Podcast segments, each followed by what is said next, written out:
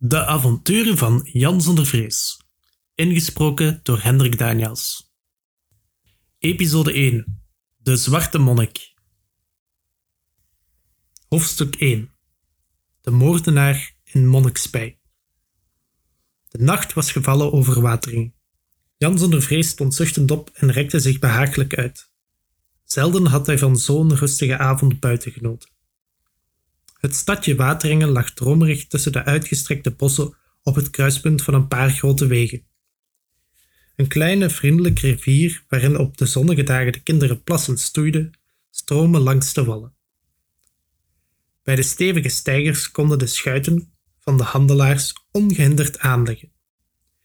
Daarom ook was Wateringen een erg welvarend stadje met rustige inwoners, die kalmpjes leefden en helemaal niet gesteld waren op rumoer en luidruchtigheid.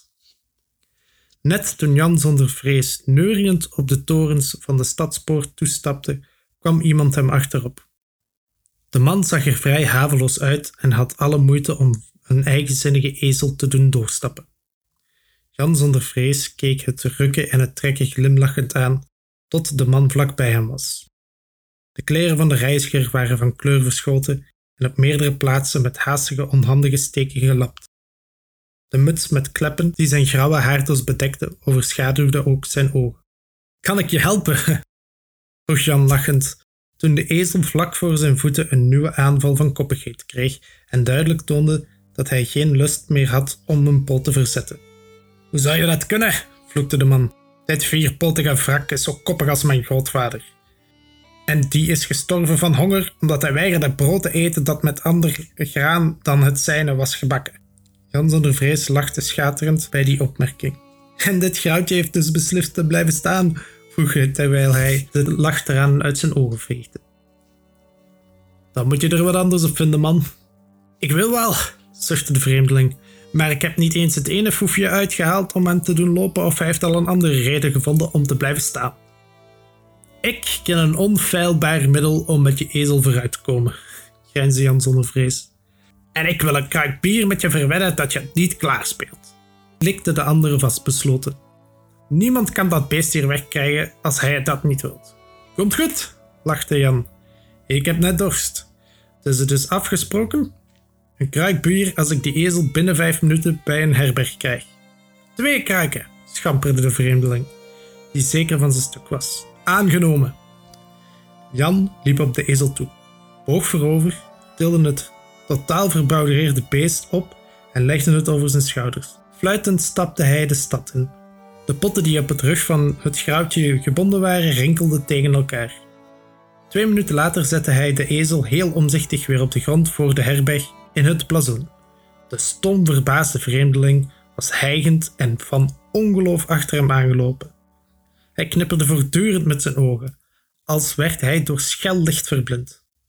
Dat heb ik mijn hele leven nog nooit gezien, slikte de man en schudde zijn hoofd. Gewoon ongelooflijk. Wel kerel, het moet toch eens eens de eerste keer zijn, grijnsde Jan, die zelfs niet hijgde na de inspanning.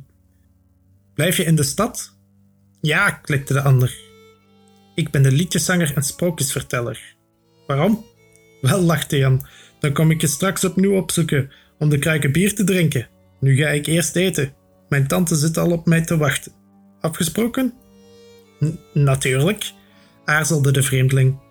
Is dit een goede herberg? Net zo goed als alle andere in het stadje, knikte Jan. Ik heb er zelf nog nooit gegeten, maar te zien aan het welvarende buikje van de waard moet de keuken prima zijn. Nou, knikte de ander, dan sla ik hier mijn tenten op. Misschien geeft hem al gratis eten als ik de gasten vanavond laat in zijn gelachzaal houd. Veel geluk en tot straks, wuifde Jan, die nog napretjes had wanneer hij dacht aan de ongelovige uitdrukking op het gelaat van de liedjeszanger. Maar ondanks dat voelde hij een lichte weerzin voor die kerel, die hem niet helemaal eerlijk toescheen. Nou ja, bromde Jan, wat wil je van zo'n vent? Het kunnen niet allemaal heiligen zijn. Dat ben ik trouwens ook niet. Jan had tijdens zijn verblijf van Materingen een onderkomen gevonden in het huis van een tante die haar onbesuisde maar vrolijke neef met open armen ontvangen had en hem iedere avond opnieuw over zijn avonturen deed vertellen. Maar vanavond ben ik niet vrij, mompelde Jan vastbesloten bij zichzelf, toen hij de lage deur openduwde. Wat ben je verstrooid? opperde zijn tante bezorgd toen hij even later aan tafel zat en hem voor de derde maal zijn houten lepel had laten vallen. Scheelt er wat?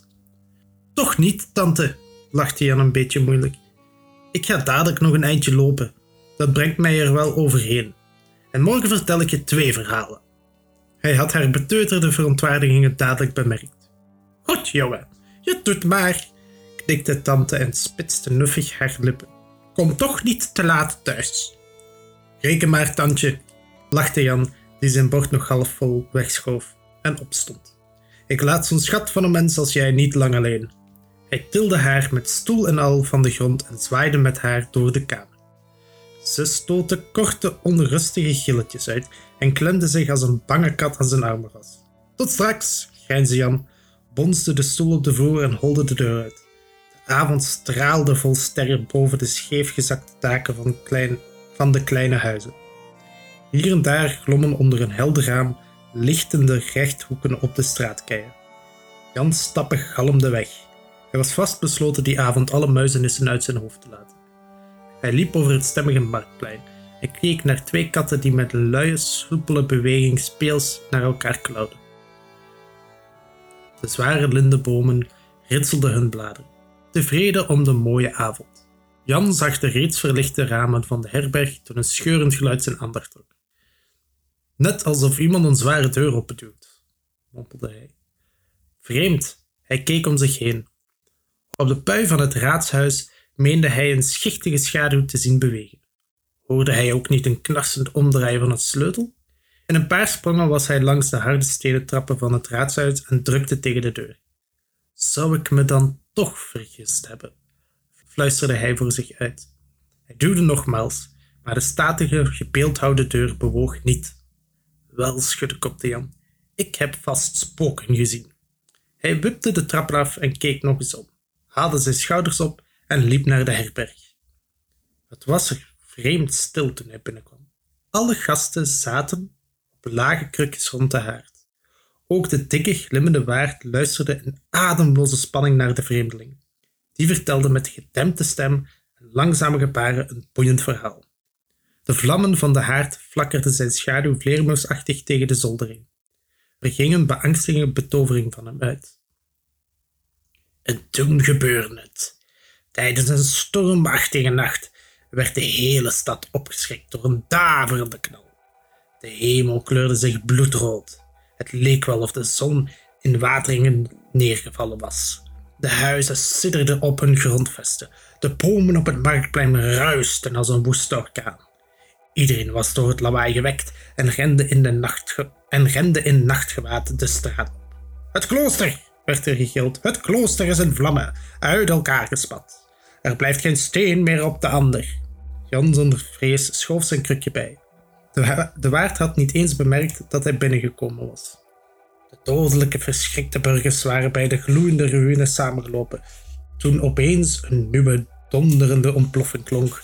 Uit een vuurbal door een spookachtige, zwarte gedaante in monnikspijl. Ze zweefde boven de grond, omstraald door een groenachtig, onaards lichtschijnsel. Iedereen herkende duidelijk vader Melchior, de wijze geleerde, die zo'n prachtige miniaturen tekende in zware getijdenboeken. De stem van de verteller sleepte zwaar door de stilte. Ook Jan zonder vrees was onwillekeurig onder de indruk gekomen. Met brandende ogen keek de vreemdeling zijn toebehoorders stuk voor stuk aan. Toen hief de monnik zijn beide armen in de lucht, strekte bezwerend zijn handen over de hoofden van de burgers en sprak een vreselijke bezwering uit. Alles wat boven het puin van het klooster werd gebouwd, zou na honderd jaar door vuur worden vernield.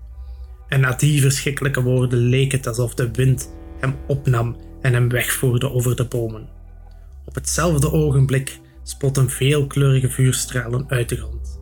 De enkele wankele muren die nog overeind waren gebleven stortten in. Het mooie klooster van Wateringen bestond niet meer. En wat ik jullie vertel is net honderd jaar geleden. De stilte werd zo mogelijk nog dieper. In de ogen van de toebehoorders las Jan naakte bijgelovige angst. Hola, lachte hij en brak daardoor de betovingsstuk. Ik kan haast niet meer slikken van de dorst, zwaard. Die brave man is met twee kruiken bier verschuldigd. Laat ze aanrukken.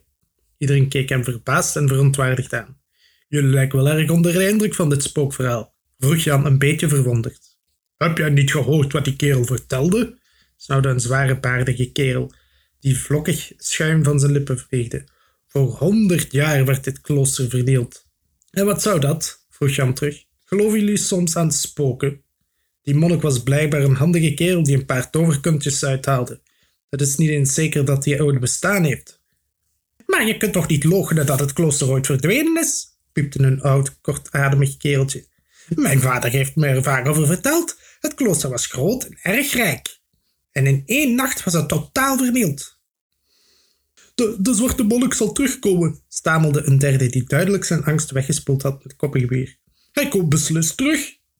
Praatjes, schreeuwde Jan boven het aanzwellende rumoer uit. Ik heb al meer zulke gekke spookverhalen gehoord. Als je de zaak nauwlettend gaat bekijken, blijkt het allemaal snel dat een of andere sluwe schurk de angst van de mensen uitbuit. Dat is het beste middel om ongestraft je misdadige doel te bereiken. Jan greep de kroes bier die de waard naast hem op tafel had gebonst en nam een flinke schok. Pocher, zei de baardige keel. Ik wed met je dat je niet eens één nacht alleen op het kerkhof zou durven blijven. Ik vind het jammer van je goede geld. Zo niet wou ik dadelijk die weddenschap aanvaarden, grijnsde Jan. Maar het zou niet eerlijk zijn dat ik je niet eerst vertelde dat mijn naam Jan zonder vrees is. Er viel een verraste stilte in de gelachzaal. Je hoorde duidelijk iemand slurpen. Voeten schaapte zenuwachtig over de houten vloer. Jan zonder vrees? stamelde de paardige man. Die geweldenaar die overal moeilijkheden heeft gehad. Nou, lachte Jan, meestal zijn het de lui met wie ik het uitknokte die moeilijkheden hadden. Die vreemdeling was bij het horen van Jans naam duidelijk geschrokken. Jan hield hem onopvallend in het oog en kwam weer tot de vaststelling dat iets in die vent hem tegenstond. Wel, schudde de koppige paardige kerel, ik hoop maar dat er hier geen gedonder komt. Wateringen was heel rustig tot nu toe en dat zou best zo mogen blijven. Ha, je vergeet de vervloeking van honderd jaar geleden, lachte Jan en deed alsof hij rilde. Meteen voelde hij aan dat hij te ver was gegaan. Iedereen bekeek hem nu vijandelijk. Hou je gemak, bromde de waard. Het is zoals Joris het zegt. We hebben het goed en we willen dat het zo blijft. Als je hier Kate komt schoppen. Zeg eens. Wat denken jullie dat ik ben? Een soort vampier die iedere dag portie vers bloed moet drinken? Neem alsjeblieft van me aan dat ik goede reden heb voor elke klap die ik ooit gegeven heb. De anderen grommelden wat, maar keken helemaal niet vriendelijk. Jan dronk zijn bier uit en stond op. Hij, gooide nors een geldstuk op tafel.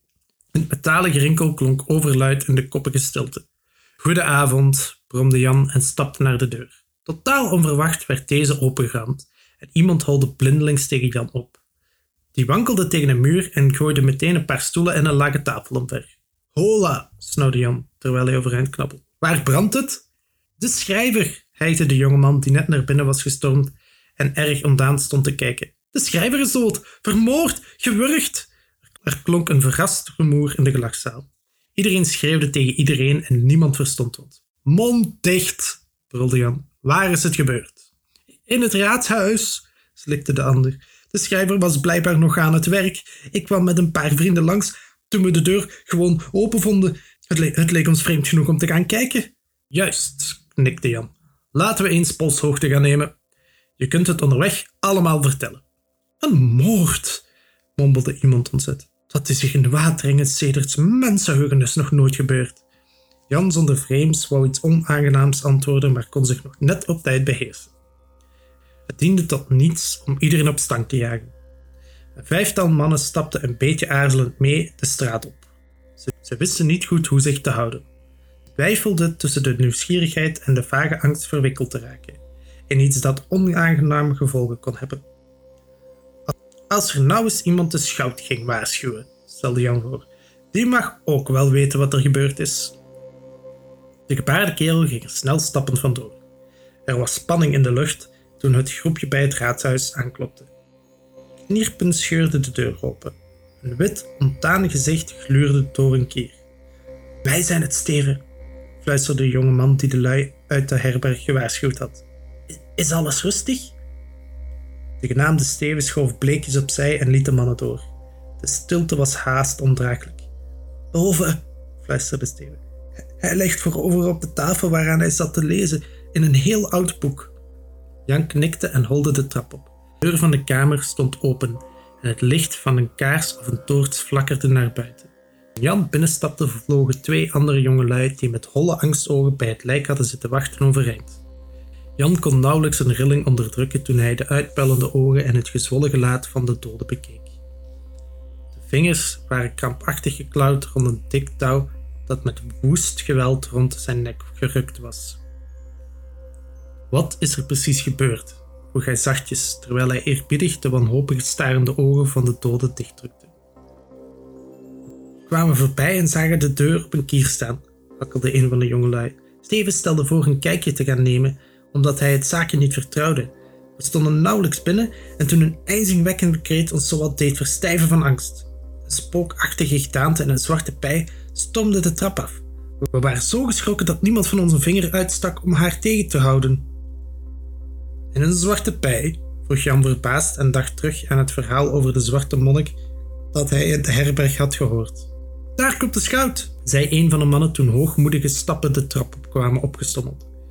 De schout was een statige, dikke man die niet alleen brede schouders had, maar ook een erg welvarend buikje. Hij bracht duidelijk meer tijd door aan een rijkelijk voorziene tafel dan op de rug van een paard. Hij keek iedereen onderzoekend aan, vond onaangenaam zijn wenkbrauwen toen hij Jan bemerkte en nam dadelijk de zaak in handen. Het lendekoord van een monnik, snauwde hij verbaasd toen hij de dode had bekeken. Iedereen schrok op. Jan vloekte stilletjes in zichzelf. Dat zou moeilijkheden geven. Daar kon je de donder op zeggen. De, de zwarte monnik is teruggekomen, jammerde iemand hulpeloos. O God, help ons!